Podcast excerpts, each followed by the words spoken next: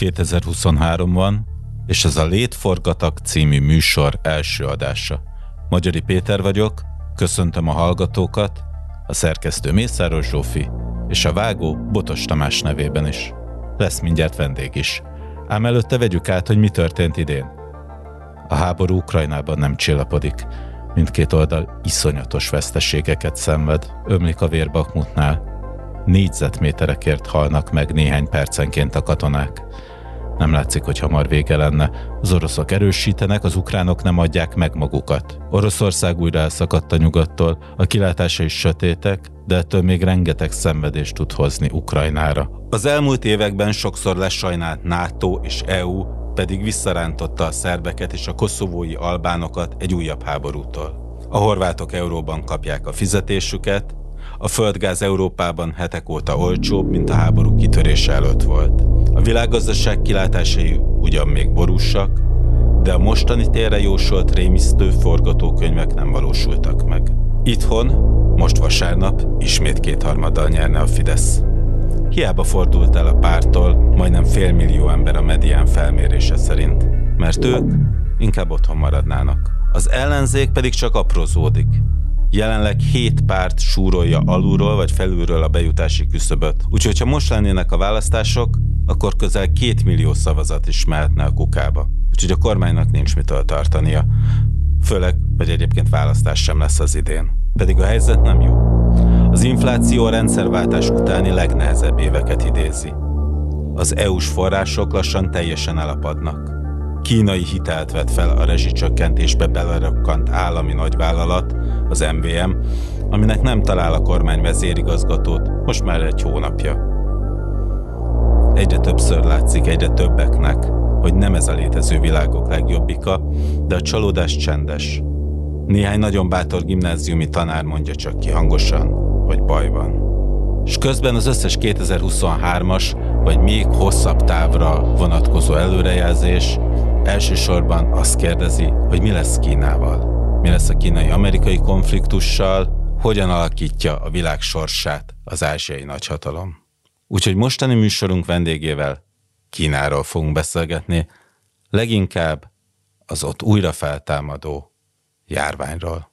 Köszöntöm a stúdióban Kozári Zitát, a Tilos Rádió Be Water című műsorának szerkesztőjét. Én is örülök a meghívásnak. Ötlet, hogy mindenképpen meghívjalak ebbe a műsorba, ja, onnan jött, hogy nem régiben Facebookra kiraktál egy posztot, ami arról szól, hogy vannak jelek, hogy valami írtózatos járvány tört Kínára lassan három évvel azután, hogy ez az új vírus megjelent.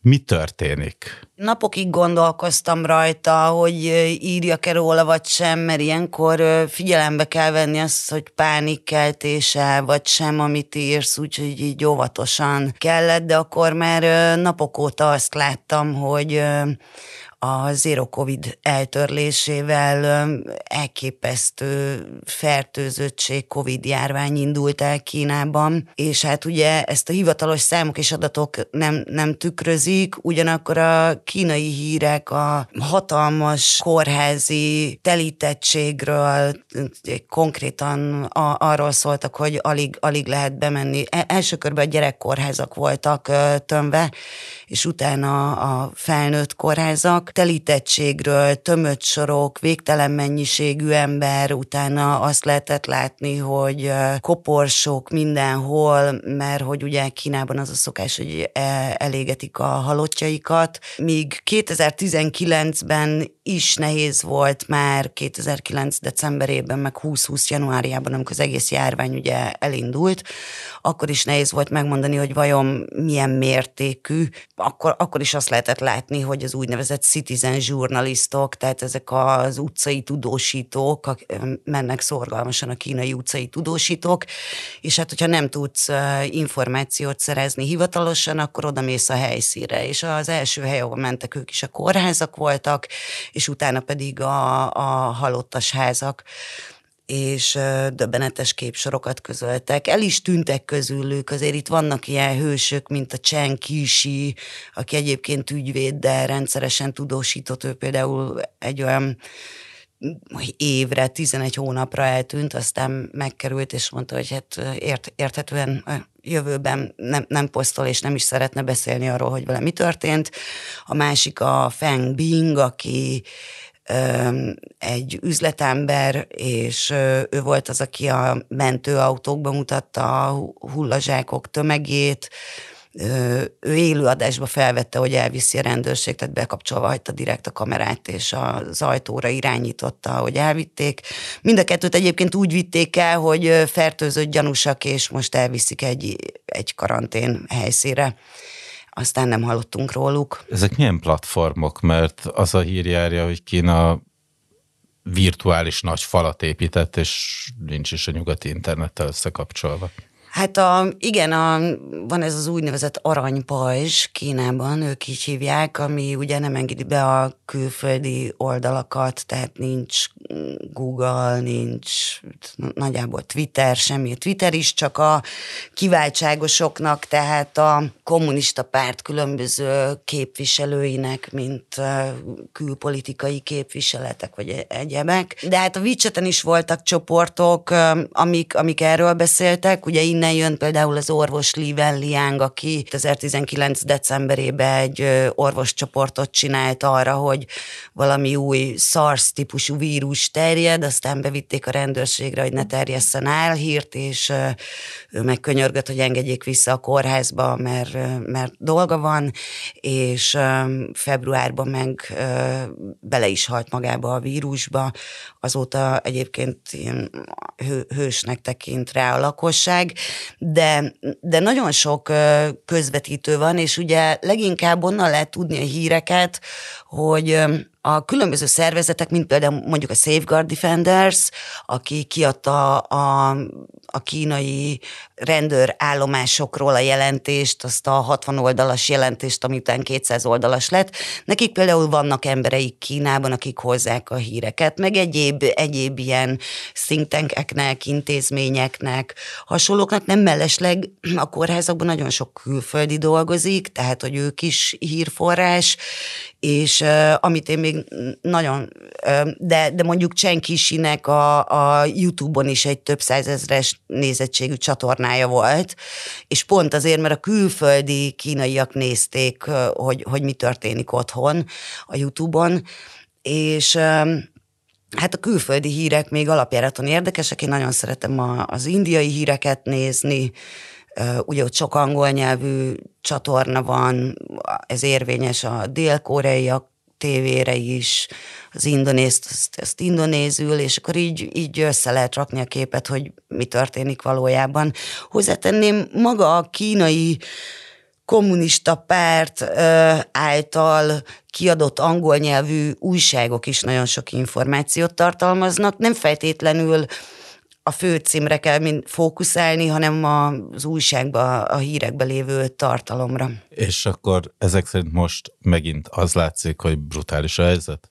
Igen, pont a mai friss hír az az, hogy bár a hivatalos adatok alapján nincs ok az aggodalomra, de a január 9-én volt egy sajtótájékoztató, amit Henan Tartomány Egészségügyi Bizottságának az igazgatója tartott, Kan Chuancheng, és a Global Times nevű kínai újság adta közzé, természetesen a főcím az volt, hogy 20 non-stop gyógyszereket gyártunk. Henan tartományban úgy 90 millióan élnek, és a lakosság 89%-a fertőzött, állítottak a Chuancheng. Az mondjuk úgy, hogy 90 a Ugye egy hete arról tudtunk, hogy, hogy Shanghai 70 a fertőzött, azt is a helyi hírekből, úgyhogy ilyesmit azért lehet tudni. A halálozást illetően minimálisak az adatok. Most pont a mait nem tudom, de talán 30 körül van december óta, ami önmagában nevetséges is. Mint 30, micsoda, 30, 30 darab, fő. 30 fő december óta hivatalosan igen, december óta hivatalosan 30 fő halálozott el Kínába a Covid-ban. Ez ugye azért van, mert, mert azonnal ahogy elkezdődött ez a nagy járvány, ahogy beütött a járvány, és telítöttek a kórházak, fogytak el a gyógyszerek, úgy a kínai kommunista párt leszűkítette tulajdonképpen a Covid halálozásnak a definícióját. Úgyhogy a mai napon ott tartunk, hogyha nem a Covid által különböző légúti szövődményekbe haláloztál el, akkor nem számít az Covid áldozatnak. Közben ugye olyan képeket is lehetett látni, hogy krematóriumok előtt óriási sorok kígyóznak. Hát ma, maga a Reuters volt az első a tudósítója, aki nagy, nagyjából a harmadik nap, úgy december közepén kiment, és a, a krematóriumhoz, és a, a autóval nem is tudott tudta megközelíteni, tehát hogy gyalogosan be kellett gyalogolni, mert annyi, olyan autósor állt.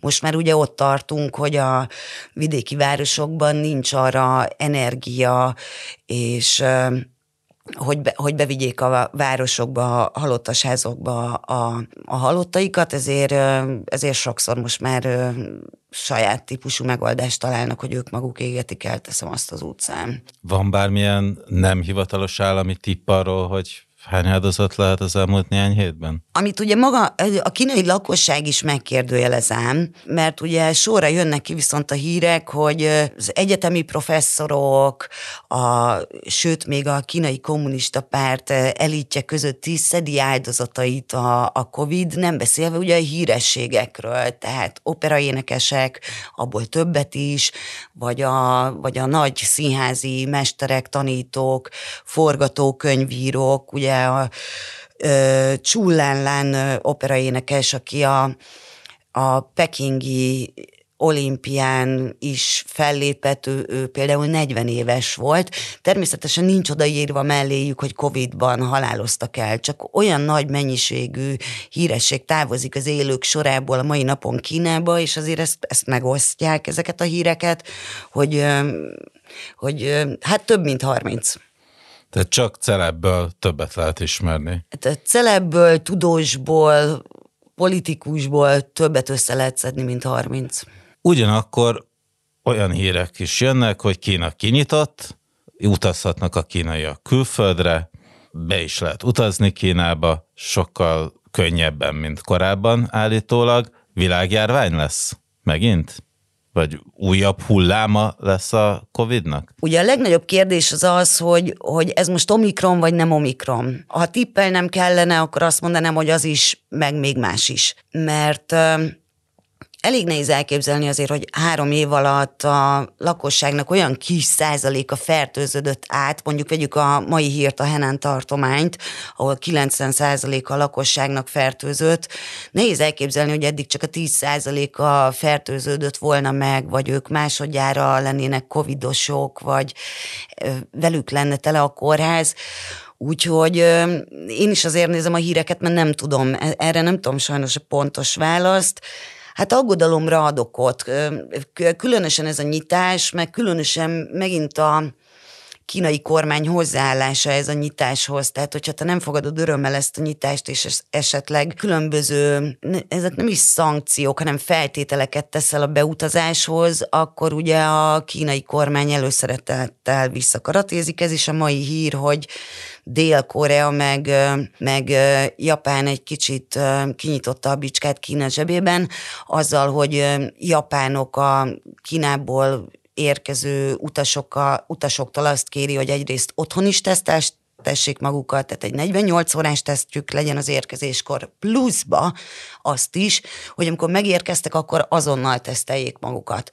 És hogyha covidosak, akkor, akkor elviszik őket egy karantén épületbe, a, majdnem ugyanez igaz Koreára, ott is kérnek tesztet, és akkor Kína erre visszakaratézott azzal, hogy nem, nem ad ki hosszú távú, sőt rövid távú vízumot sem a közeljövőben, az az egész hónapban Japánnak meg Dél-Koreának, ami ugye többek között az én egyszer, mert hát ők nem valószínű, hogy épésszel oda szeretnének most utazni, nyaralni, vagy körbenézni, vagy bármi, viszont nagyon sok cég és munkás és gyárvezető és tulajdonos folyamatosan röpköd Kína és Japán, Kína és Dél-Korea között, és most lehet, hogy egy kicsit leáll, ahogy valószínűleg a 90%-os fertőzöttségű Henanban is a gyártás. Szóval óriási hullám, ami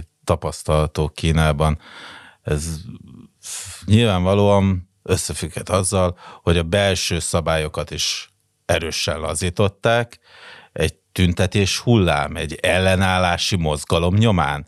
Elképzelhető egyáltalán a kőkemény kommunista Kínában, ahol van olyan tartomány, ahol születési alapon koncentrációs táborba zárják az embereket, ugye a türk kisebbséget, vagy ahol láttuk, hogy Hongkongban az esernyővel felvonuló békés tüntetőkkel szemben milyen erőszakkal léptek fel. Tehát ahol egy ennyire lényeges közegészségügyi helyzetben egy tömegmozgalom elérjen egy ilyen radikális változást, egy ilyen nyitást, aminek ezek szerint valóban drámai következményei lettek. Hát nem, nincs szerintem esélye, bár úgy néz ki, hogy ez történt. Tehát, hogy az állítás az, mert ugye tavaly november 24-28 körül a, a lakosság már nem bírta a több éves lezárást, és egyébként az egyetemisták, ez volt benne a legérdekesebb, hogy a, a pekingi, a sánkhelyi egyetemisták kezdték el, hogy kivonultak az utcára, de már máshol is. Ugye a Kínának volt a zero covid politikája, most pedig az úgynevezett rugalmas zero covid politika volt, amit elvileg ezeknek a tüntetéseknek a hatására megszüntetett. Ezek a tüntetésekben a legérdekesebb az, ugye az én, én műsorom az ellenállásokról szól, úgyhogy engem ez jobban érdekel, mint a vírus, de hogy a, a, ugye a tüntetések a legérdekesebb az volt, hogy hogy nagyon rég történt olyan Kínában, hogy egy közös ügyér az ország különböző pontjain az emberek kimennek és kivonulnak az utcára. Márpedig itt, itt tényleg nagyjából 40 különböző nagyvárosban, és hogyha nem is azon, hogy százezrek, meg tízezrek, de százak, kétszázak, ezrek, és azért ezt folyamatosan feltették a kínai netre. Kicsit későn is sikerült a kormánynak ezeket törölnie, azaz nem tudták olyan gyorsan törölni, kicsit későn sikerült, úgyhogy ez a tüntetés hullám terjedt, és ugye úgy hívják, hogy White Paper Movement, a fehér papírlap mozgalom, vagy megmozdulás, mert hogy egy üres fehér papírlappal álltak ki, ugyanis nem akartak nem azért, mert nem akartak börtönbe kerülni, hanem azért, mert nem akartak, hogy egy olyan mondat legyen, ami, ami, amit, ami mondjuk kormányellenesnek tekint a rendszer, hanem, hanem egyszerűen csak tényleg azért, hogy, hogy elegük volt abból, hogy két-három éve be vannak zárva, folyamatosan, vagy nyitva vannak, zárva vannak, tudnak dolgozni, nem tudnak dolgozni, albérletet, lakást, hitelt ugyanúgy kell mindig fizetni, ez attól nem változik, a, egészen konkrétan a sárgarépa ára a hatszorosára emelkedett, Közben ugye azt látják, hogy a világ kinyitott. Tehát helyi rendeletekkel nyitott, nyitottak, csuktak folyamatosan. Az országnak a zero covid tolerancia az ugye, az ugye azt jelenti, hogy egy, egy szigorú intézkedések sorozatát tartalmazó közegészségügyi elv. És akkor ugye itt vannak ilyen főszavak, a, a find, test, trace, isolate and support, a kínaiak szeretik ilyen négy-öt szavakba tömöríteni a lényeget és a mondani valót, tehát, hogy megtalálás, tesztelés, kontaktkutatás, izolálás és támogatás, tulajdonképpen e-, ezeket tart tartalmazza. És a COVID-19-el való stratégiai együttélés, amit mondjuk más országok választottak, ezzel szöges ellentétben a zero covid, az ellenőrzés és a maximális visszaszorítás stratégiája volt. És a gyakorlatban pedig ugye ez azt jelentette, hogy szigorú és beutazási szabályozások, ez ugye külföldre és belföldre is, tehát hogyha az egyik tartományba csak az egyik városban vírus van, akkor, a, akkor egyáltalán nem tudsz a cakumpak oda repülni. Ez ugye a szállítmányozás leállítását is jelenti, tehát ott állnak a teherautók hosszú tömött sorokba, és nem mehetnek be, vagy ha éppen kijönnek, nem mehetnek sehova, mert egy covidos helyről jöttek, és ott állnak az útszélén hetekig, a lakosság viszi nekik konkrétan az ételt, hogy, és, és egész konkrétan a teherautóikba, vagy a a kamionjaikba laktak, tehát hogy lakossági segítség kellett, és, és ugye a brutális karantén intézmények kialakítása, amik sokszor ilyen konténer jellegű, hát nem is kórházak, csak, csak helyek, ahol konténerekbe beraktak embereket, hogy akkor te Covid gyanús vagy, itt, itt muszáj vagy itt tölteni, és akkor jön érted egy, egy autó, egy, egy mentőautó elvisz, és ott nem mondhatod azt, hogy nem megyek, akkor a rendőrség jön érted. Vagy voltak hatalmas intézményi épületek, épületek, vagy kiállításra szánt épületek, amiket átalakítottak, és több száz, több ezer embert fogadtak be, mindezt úgy, hogy, hogy nem feltétlenül volt bele, benne megfelelő higiéniai helyzet, tehát hogy a, a mosdók, vécék azok, azok limitáltak voltak ennyi emberre, de mérhetetlen mennyiségű ágyat, kempingágyat beleraktak, ahol, ahol el lehetett lenni. És akkor ugye utána jött ez a kötelező, hogyha ki, ez, a, ez már a, a laza zero covid, tehát ez már a, a, hogy a kötelező 48 órás tesztelés, ez a, ez a nagyvárosokban, tehát Sánkhájban, egyéb helyeken, megvannak ezek a tesztelő állomások, és akkor 48 óránként kötelezően tesztelned kellett magad egyáltalán ahhoz, hogy munkába mehess és, hogy, és akkor egy applikáción, mindenkinek a telefonján volt egy applikáció, nekem személy szerint meggyőződésem, hogy egyébként ez a COVID applikáció, ez egy még szorosabb kontrollt húzott rá a lakosságra, és ennek igenis fontos szerepe van abban, hogy ez, ezt szerették, szerette a kormány.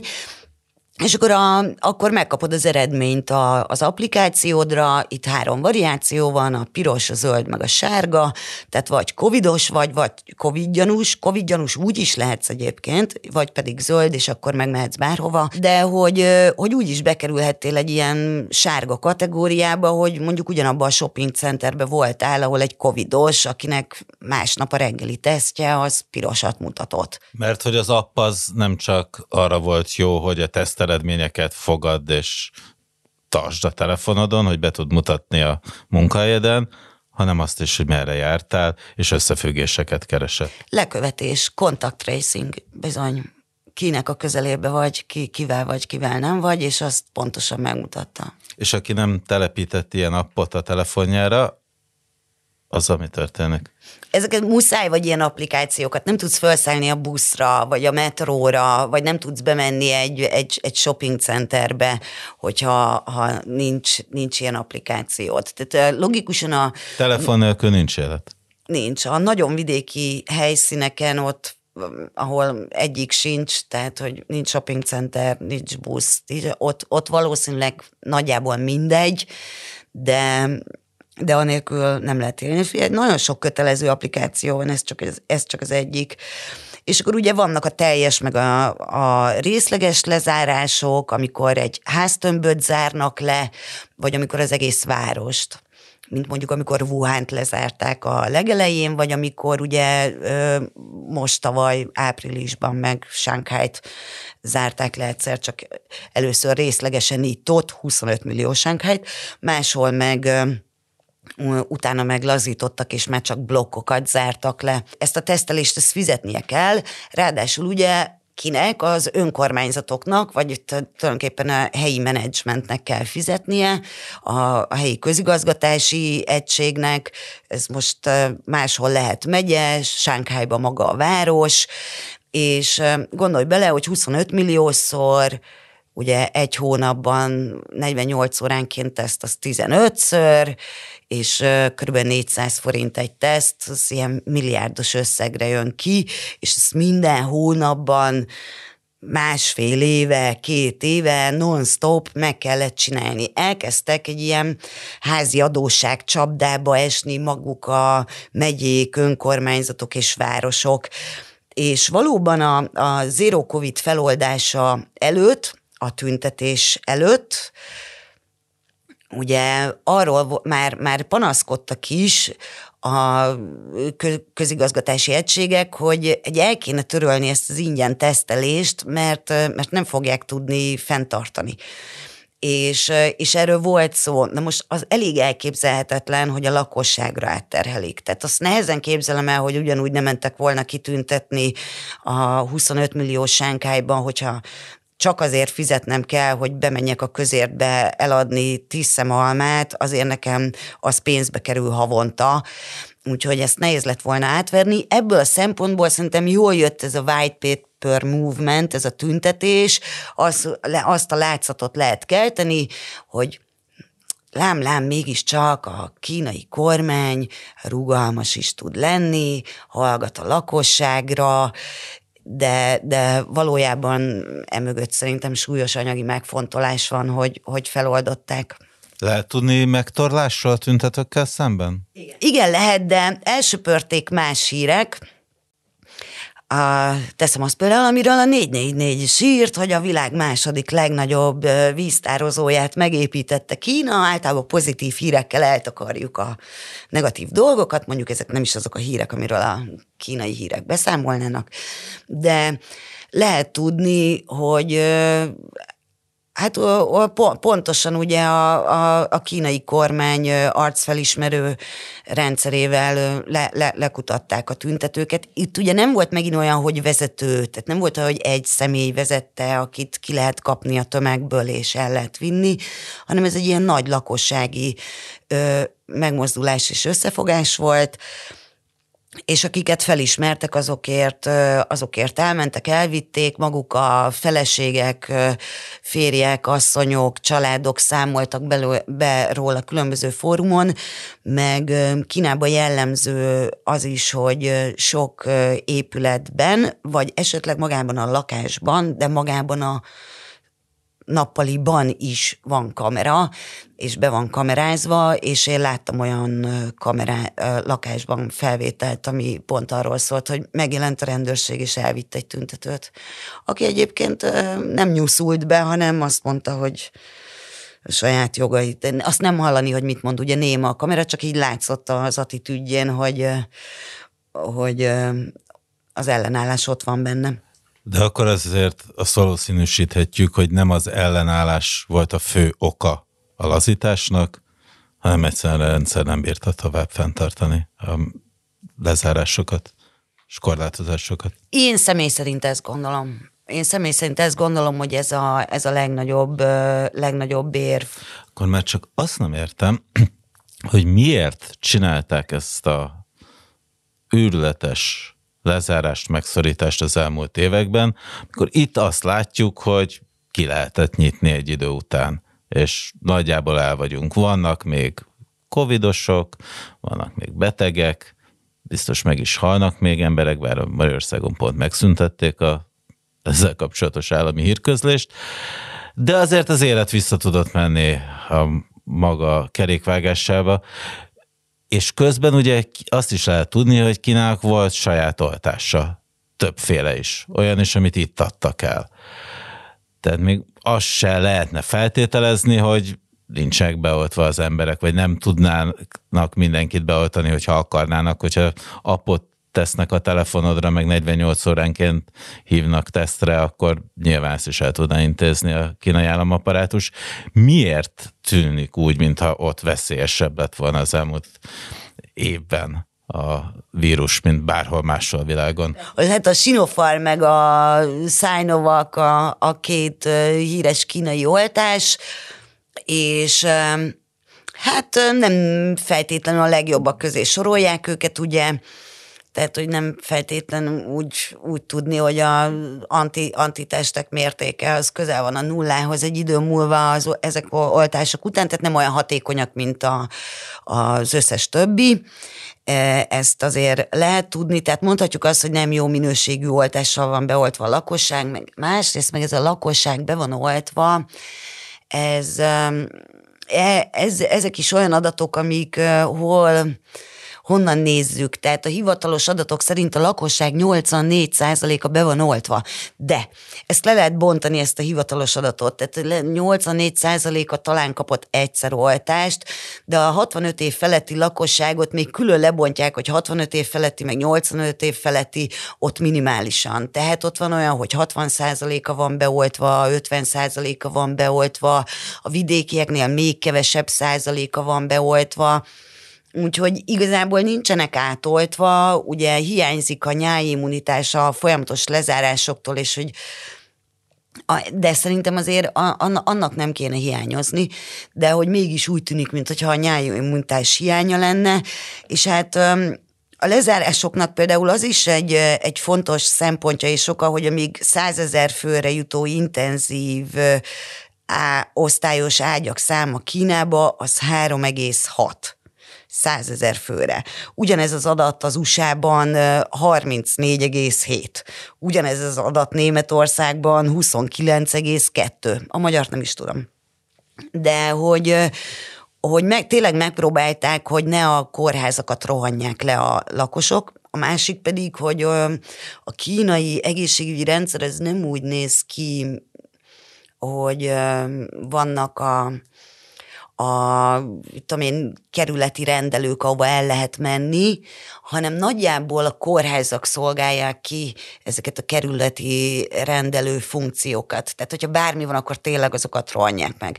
Ez az egyik. A másik meg, hogy ilyenkor idéglenesen, vagy, vagy egyébként is van ez az úgynevezett fever clinic, azt fordítsd, amire szeretnéd, a lász klinika, és, és az az elsődleges, ahova tudnak menni, és akkor utána meg a kórházba.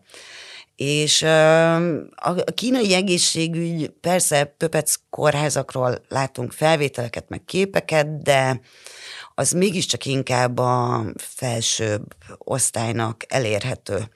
Ez, ez is egy nagyon bonyolult rendszer, ugye Kínában van az úgynevezett HUKO system, a HUKO rendszer, ami mondjuk így, hogy a lakcímkártya, és az 1,4 milliárd ember nagy része vidéki, most már azért felköltöztek ugye a városokba, de azért, hogy mondjuk ne rohanják meg a nagyvárosokat, tehát hogy Sánkhájból ne 100 millió legyen, csak 25 milliós legyen, vagy Pekinget ne rohanják meg, és ne legyen belőle egy 50 milliós város, ezért ez a hukó rendszer arra volt kitalálva, hogy, hogy a te, ahova a te lakcímkártyád érvényes, te csak oda tudsz menni egészségügyi ellátásra, az hagyján, de a gyereked is csak oda tud menni iskolába. Tehát a, ez, és ez megint másik oldalról is visszaüt, mert ugye például a leges legelején, 2019-ben, ugye a, amikor Wuhan-t lezárták, akkor a kínai új év volt, surprise, surprise, most is az van, de hogy akkor a kínai új év volt, és és lehetett tudni, hogy a 11 milliós Wuhanból már csak 6 millióan vannak a városba, amikor lezárták mert ez már másik 5 millió már elutazott, el is vitte magával a vírus, szépen szétszorta, a másik 5 millió meg elutazott. És a 6 milliós Wuhanban azért ott voltak ezek az úgynevezett hukósok, ők, őket hívjuk migráns migrant workereknek, migráns munkásoknak, ez a belső migrációra utal Kínánál, és, és ők nem kapnak semmilyen ellátást. Tehát amíg az ottani lakosok igen, addig ők semmit. Vagy te, tegyük azt a mostani Sánkhájt. Tehát a most a 25 millió Sánkhájt, ha részlegesen lezárják, ha ott egy húkós lakik egy albérletbe, tehát egy vidéki munkás, aki feljött, teljesen mindegy, hogy kétkezi gyári munkás, vagy, vagy egy, egy, egy gyárigazgató helyettese, ha nem tud kimenni a lakásból, akkor ő nem kapott ellátást, kizárólag pénzért, semmilyen ellátást nem kap. Ez az egyik, a másik pedig, hogy a lakosoknak elvileg szolgáltattak ételcsomagot a karantén bezáráskor, a hukósoknak nem.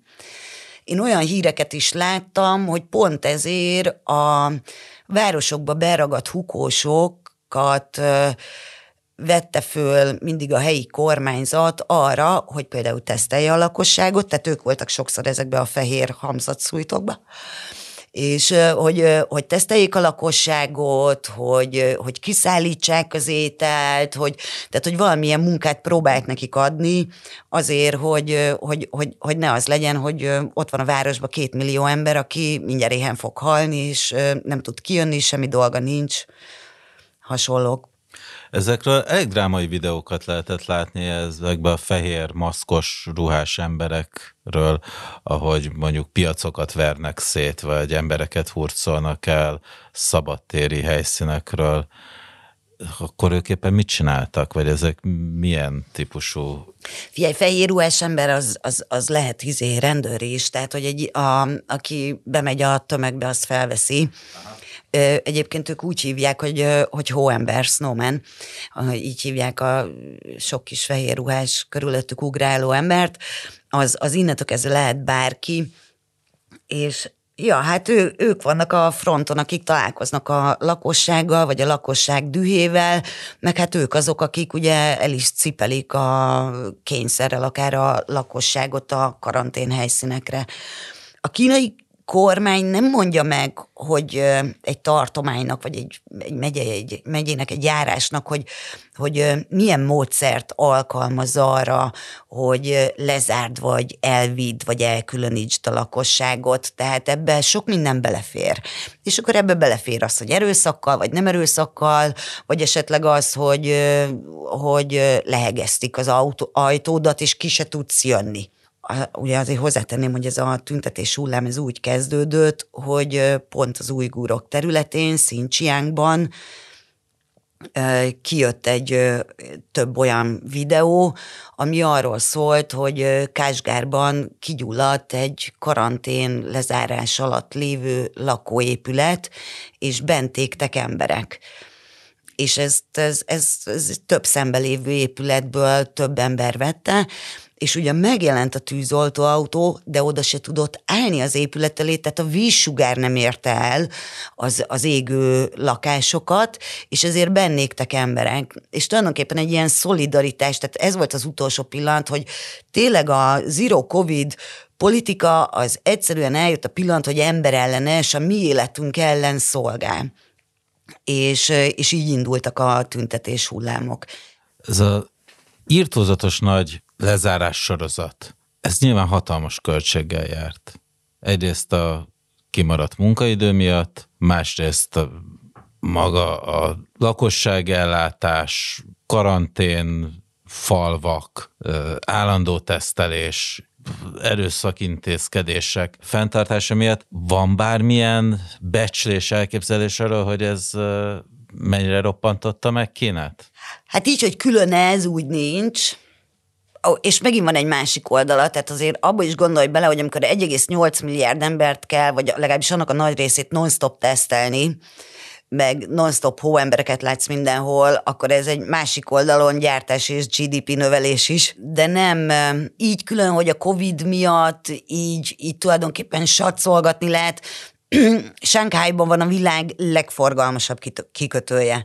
Tehát, hogyha uh, Sánkhájt lezárod, de hogy le volt, le volt zárva tavaly februártól augusztusig, így nem folyamatában először egybe, aztán részlegesen, de, de le volt zárva, akkor ott, ott akadozik a, az ellátás az árulánc ellátás. Ez ugyanúgy ért, érinti a külföldet, meg mindenkit. És azért az előző három évben sok minden kiderült, félreértés, hogy a nyugat számára, hanem mindenki számára a világon kiderült, hogy hogy nagyon, nagyon rossz dolog egyetlen egy országra hagyatkozni bizonyos termékek gyártásának a szempontjából. Mondjuk teszem azt, teszem azt a, most, most pont egy USA példát hozok fel, de teszem azt, van egy hölgy, akit úgy hívnak, hogy Rosemary Gibson, aki évekkel ezelőtt írt arról egy könyvet az USA-ban, hogy,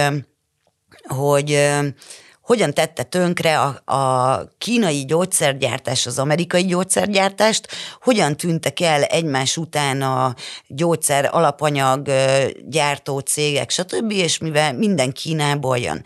És azt állította Rosemary Gibson, de már négy évvel, vagy nem hat évvel ezelőtt, azt állította, hogyha Kínába bármilyen katasztrófa történne, vagy, vagy összekapnának az USA-val, akkor, akkor tulajdonképpen pár hónap múlva Amerikába elfogynának a fejfájás csillapítók, az ilyen gyógyszerek, olyan, és egészen az inzulinig nagyjából minden.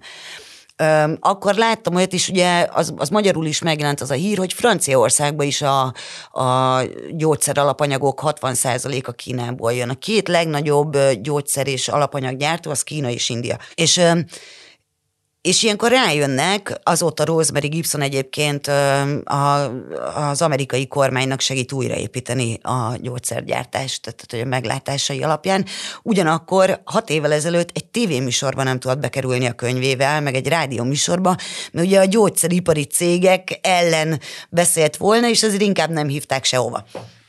Úgyhogy, úgyhogy az ő helyzete pont egy a, a Covid miatt fordult meg. És tényleg az van, hogy ilyenkor, ilyenkor értelmesebb helyeken rájönnek, hogy ezt szét kell szórni. Tehát kell igenis, hogy legyen Afrikában is, Európában is, Ázsiában is, Dél-Amerikában, Amerikában is gyógyszergyártás, hogy a föld lakosságát el tudjuk látni, hogyha bármi történik, de ez ugyanígy érvényes a gumikacsára, az acélra és egy csomó mindenre, mert ugye Kína egy, egy a manufakturális termeléséről híres ország, tehát ha ők nem gyártanak, alapanyaguk különösebben nincs, az beszerzik Afrikából, Ausztráliából és egyéb helyekről, tehát ők kiszúrták maguknak, hogy a en, ennek a láncolatnak egy, egy magasabb ágát képviselik, az alapanyagokból készítenek egy terméket. És ezt e, ezért elindult egy ilyen átrendeződés a gyártósorokban, és hát a legnagyobb nyertese India meg Vietnám, és ugye az előző két-három évben arra jöttek rá a különböző cégek is, hál' Istennek, nem csak az országvezetők, hogy, hogy megbízhatatlan a kínai gyártás, hogyha ott valami probléma van. Hogy pluszban még a kínai gazdaság kérdése az egyrészt Covid függő is, meg nem is, mert olyan szuper döntéseket tudnak hozni, ami tulajdonképpen őket úgy csinálnak, mint hogyha nem érdekelné. Tehát ráadásul azt is tudjuk ugye, hogy, a, hogy azért a kínai számok minden, minden téren kozmet tikázottak. Maga Li Keqiang a kínai miniszterelnök volt, még me- me- megmondta, hogy hát ő se hisz a kínai GDP adatoknak, úgy, úgy nagyjából me- megnézi a, az áramfogyasztást, meg a lakossági fogyasztást, és akkor abból bincsizik, vagy satszol valamit. Egyébként ugyanezt történt a Covid lezárás alatt is, tehát hogy konkrétan volt olyan ismerősöm, akivel beszéltem, és azt mondta, hogy be, be, be, kell, be kell mennem, be kell kapcsolnom a, a légkondit, meg a, meg a számítógépet. Tehát csak azért ment be, mert nem volt megrendelése Wuhan mellett. Csak azért ment be, mert nem volt megrendelése, de be kell kapcsolnia, mert már kijött a központi intézkedés által, hogy mindenkinek vissza kell menni dolgozni. De nem volt mit nem jöttek a megrendelések, mert utána az egész világ lett covidos. Tehát amikor az egész világ covidos lett, akkor logikusan kevesebb acélra, kevesebb könnyű, meg nehézipari termékre volt mindenhol szükség, mert mindenki beteg volt, akkor a gyógyszeripari termékekre volt szükség, úgyhogy, úgyhogy nagyjából nem volt mit csinálni, nem beszélve a szolgáltatóiparról, viszont az áramnak mennie kellett, mert abból látják, hogy izé, mi dolgozunk, tulajdonképpen volt egy ilyen hullám is, hogy sorba gyulladtak ki épületek, meg gyárak, mert nem voltak felügyelve, csak minden be volt kapcsolva úgy nagyjából, hogy, hogy úgy tűnjön, mintha működnének, de három ember volt egy több kiló, négyzetkilométer nagyságú gyárterületen, Úgyhogy érdekes, érdekes világ ez, meg hát mondom, nem csak a Covid miatt, már hogy a, az országban lévőben, hanem a, a világban lévő Covid is hatással volt rá, másrészt pedig ugye a Xi Jinping elnök eléggé vasmarokkal vezeti az országot, és amit ő gondol, az úgy van. Tehát itt azért voltak különböző fura döntések is, mint például a magánoktatás szigorítása. Tehát eljött a pillanat, hogy nem is tudom, másfél évvel ezelőtt volt, hogy egyik pillanatra a másikra a közjó érdekében az esélyegyelőség, a lakossági esélyegyelőség, a gyerekek esélyegyelőségének érdekében a délutáni oktatók, a délutáni nyelv és egyéb stúdiók, azok kizárólag non-profit alapon működhetnek. Ehhez hozzátenném halkan, hogy a kint élő külföldiek 50%-a az ilyen privát nyelvoktat, mint a London stúdió, egyébként tehát ilyen privát stúdiókban nyelvtanár, vagy pedig ők maguk építettek egy ilyen nyelvstúdiót, és akkor a, a, konkrétan az történt, hogy innentől kezdve egyik pillanatra másikra nem hogy külföldiek, hanem több százezer tanár állástalan lett, aki nem a közoktatásban dolgozott. Egyik pillanatról a másikra. Mert délutánonként innentől kezdve nem lehetett matekot tanulni, nem lehetett nyelvet tanulni, vagy fizikát tanulni, tehát mindazt, amit a nappali oktatásban tanítanak, balettra el lehetett járni, meg nem tudom, hegedű órára, meg zongora órára, de olyan, ami tantár, tantárgy, azt, azt nem lehetett tanulni. Most se lehet. Szerinted hogy kezdődött? Mármint a Covid. Laboratóriumból kiszivárgott, vagy a piacon megették a vadállatot? Hozzátenni, hogy a piac meg a laboratórium négy-öt kilométerre van egymástól. Szerintem nem a piacról indult el. Megint én nem vagyok virológus. Én, én személy szerint azt gondolom, hogy a, hogy a laborból szabadult ki. Nem hiszem azt, hogy direkt, sőt azt is gondolom, hogy ez minden 50 vagy 20 évben egyszer elő fog fordulni a világ különböző laborjaiba. Ez nem hiszem, hogy önmagába Kína hibája lenne, ez bárhol megtörténhetett volna szerintem laborból szabadult el, és ezért nem is hibáztatom őszintén szólva a kínai népköztársaságot, azért igen, hogy nem állította meg. És egyébként erről is volt szó, hogy hogy meg kéne nemzetközileg büntetni, azért voltak ilyen hangok, amiket úgy e, el lettek csitítva. Ezért jó nem kéne, nem kéne, én nem, nem vagyok a büntetések és megtorlások híve, amúgy, de szerintem laborból szabadult ki, ha, ha itt tartunk. Az, ami utána jött, na, na, az volt a kemény. Tehát az, hogy, hogy már 2019. decemberében egész biztos, hogy, hogy, hogy Wuhanban terjedt egy, egy légúti megbetegedés, és tömegeket ért el, és annyira súlyos volt, ugye a legelső, hogy ott tényleg nagyon nagy számban haltak meg emberek, ugye itt jöttek be akkor a, az utcai tudósítók, és ehhez képest meglepően későn december 31-én jelentették be hivatalosan, hogy valami légúti fertőző betegség van. Akkor, akkor hívtuk Wuhan vírusnak, Wuhan, Wuhani vírusnak. Ezt marha gyorsan lebincsizték a WHO-val, az egészségügyi világszervezettel, hogy keresünk neki egy másik nevet, ha lehet. Ez így is lett. Utána egy olyan táncikálás jött, hozzátenném, hogy a WHO részéről. Én, én például abszolút azt mondom, hogy Tedros Abdamon mondjon le, én abszolút hibáztatom a WHO vezetőjét, én, én aláírtam ellen a petíciót, mert egy olyan táncikálás jött Kína meg a WHO részéről, hogy mi történik, ami, ami szerintem emberéletekbe került és maga, a, tehát december 31-én jelentették be, hogy vírus van, Peti, és következő év január 23-án zárták le Wuhánt. Tehát még egy hónapig, és megint akkor volt a holdúj év, kínai új év, ünnep, mindenki hazamegy, egy hónap múlva zárták le Wuhánt. Tehát igenis engedték, hogy az emberek elutazzanak. És Szerintem a teljes magabiztossággal azt gondolta Kína egyébként, hogy ő ezt meg fogja tudni állítani, és nem, nem gondolta azt, hogy ez ennyire súlyos. Azt látták, hogy súlyos, azt látták, hogy azért nem olyan nagy százalékban, de azok brutális halált szenvednek, és meggyőződése volt, hogy meg tudja állítani. Magánba, Wuhanba még január 23-a előtt is volt olyan újévi rendezvény, ahol 30 ezer család vett részt, és egy nagy közösségi, minden évben megrendezett rendezvény.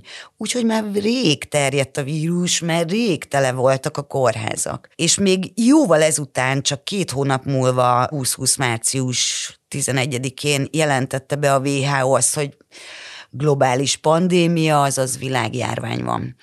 És ez szerintem mind a kínai kommunista párt vezetése és mind a WHO hibája. Ez személyes véleményem, lehet vele egyet, meg nem egyet érteni. És ha jól tudom, akkor nem olyan sokára nyilvános rendezvényen lehet veled találkozni, és egy közelgő filmfesztivál tematikus vetítésein leszel szakértő a Budapest International Dokumentum Film Fesztivál idei megrendezett fesztiválján, ami január 21 és 29-e között 9. alkalommal lesz megrendezve, és itt a legfrissebb Oscar és Európa, illetve Berlinálé, Sundance, stb. jelölt vagy, vagy nyertes filmek, dokumentumfilmeket lehet majd megnézni, és én például az úgynevezett Örök tavasz Eternal Spring című filmnek vagyok a nagykövete. Az Örök tavaszt azért ajánlom, mert az a falungongról szólt, és nem tudom, ki tudja, hogy mi, hogy mi az a falungong, vagy falundafa, az tulajdonképpen egy spirituális csoportosulás, amit a kínai kormány szektának nevez, és mint ilyet üldözik. És tulajdonképpen mondhatjuk azt, hogy az újgur táborok előtt valójában a falungongosokat tették ugyanilyen táborokba. És a film arról szól, egy ellenállásról, amikor egyszer csak Changchung városában meghekkelték a helyi tévécsatornát, és, és betettek a tévéadás helyett egy falundafáról szóló dokumentumanyagot, hogy a falundafa az jó, az erre jó, arra jó, amarra jó. Mostantól biztos nem, ha eddig véletlenül valaha is. A Kína blogban lesz még a Korunk Szabadságharca című film, ami logikusan be van tiltva Kínában, mert ez a Fight ja nem, ez nem a Fight for Freedom Stand Hong Kong, hanem ez a Liberate Hong Kong Revolution of Our Time nevű fekete zászló, amit mindig látsz a hongkongi forradalmaknál, annak az alsó sora tulajdonképpen. A Mikorunk szabadságharca, ez pedig az a Kivi Chow film, ami a 2021-es Cannes Filmfesztiválon leges legutoljára benyomták. Ez volt az utolsó film, nem volt behirdetve, és utólag küldtek ki mindenkinek egy meghívót. És ez, és van még egy, egy pont egy sánkhelyi kórházi film, nem tudom, a H116, nem tudom, a kórházaknak sokszor ilyen számnevük van, ami meg spec egyáltalán nem a Covid-ról szól, hanem csak egy dokumentumfilm a kórházi életről, amiben egy picit azért itt belementünk, hogy hogy megy az, ha van pénzed, meg ha nincs pénzed. Úgyhogy gyertek el a fesztiválra mindenképpen. Én a hongkongi film után leszek az úgynevezett szakért, de a hongkongi ellenállásnál vállalom, hogy, hogy az vagyok és kicsit hosszú, mert az egy ilyen két és fél órás film, tehát hogyha még valaki kibírja, hogy ott még kérdezne vagy beszélne, akkor ott lehet velem találkozni. Nagyon szépen köszönöm, hogy eljöttél.